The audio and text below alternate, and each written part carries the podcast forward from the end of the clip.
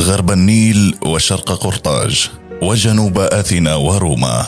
رقعة جغرافية شهدت العديد من الأحداث التاريخية المهمة على مر العصور وتوالت على أرضها وبحرها حضارات العالم. منها يأتي الجديد كما قال المؤرخ الإغريقي هيرودوت. هنا ليبيا في هذا البرنامج نتحدث عن تاريخ ليبيا منذ عصور ما قبل الميلاد حسب التسلسل التاريخي. ولكن علينا أن نتعرف على أصل التسمية اولا. ليبيا. اسم عريق ضارب في القدم. دار حوله جدل كثير لتتبع أصوله. يكاد يتفق المؤرخون أن أول ذكر لهذا الاسم يرجع إلى عهد رمسيس الثاني في عام 1298 قبل الميلاد حيث ذكر اسم ليبو على إحدى الفرق العسكرية التي كانت تعمل في الجيش الفرعوني.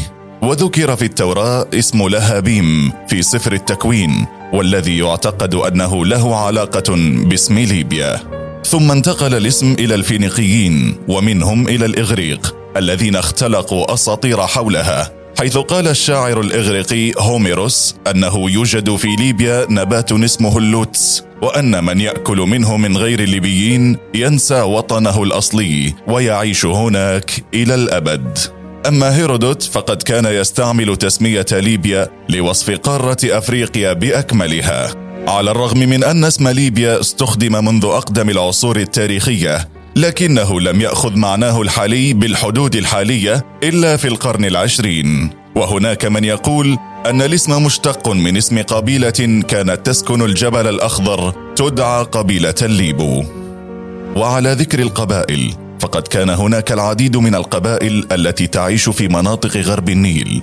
نذكر منها التحنو التمحو الجلجماي والمشواش. وغيرهم من القبائل التي كانت تعيش في ليبيا لكنها لا تسيطر على أرض معينة في الألفية الرابعة قبل الميلاد بدأت القبائل الليبية تزحف شرقا باتجاه وادي النيل بحثا عن المياه، لكن مصر في ذلك الوقت كانت دولة لها حدودها الرسمية، فبدأ الفراعنة في التصدي لموجات الهجرة والدفاع عن مياههم، وبدأت المعارك الطاحنة.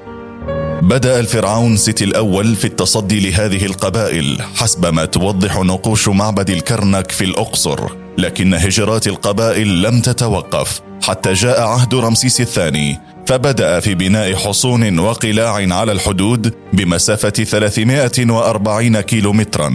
لكن حتى هذه الحصون فشلت في مقاومة مد القبائل الليبية. كانت هذه مقدمة البرنامج والمدخل إلى التاريخ الليبي فما الذي حدث بين الفراعنة والقبائل الليبية الباحثة عن الماء؟ هذا ما سنعرفه في الحلقة القادمة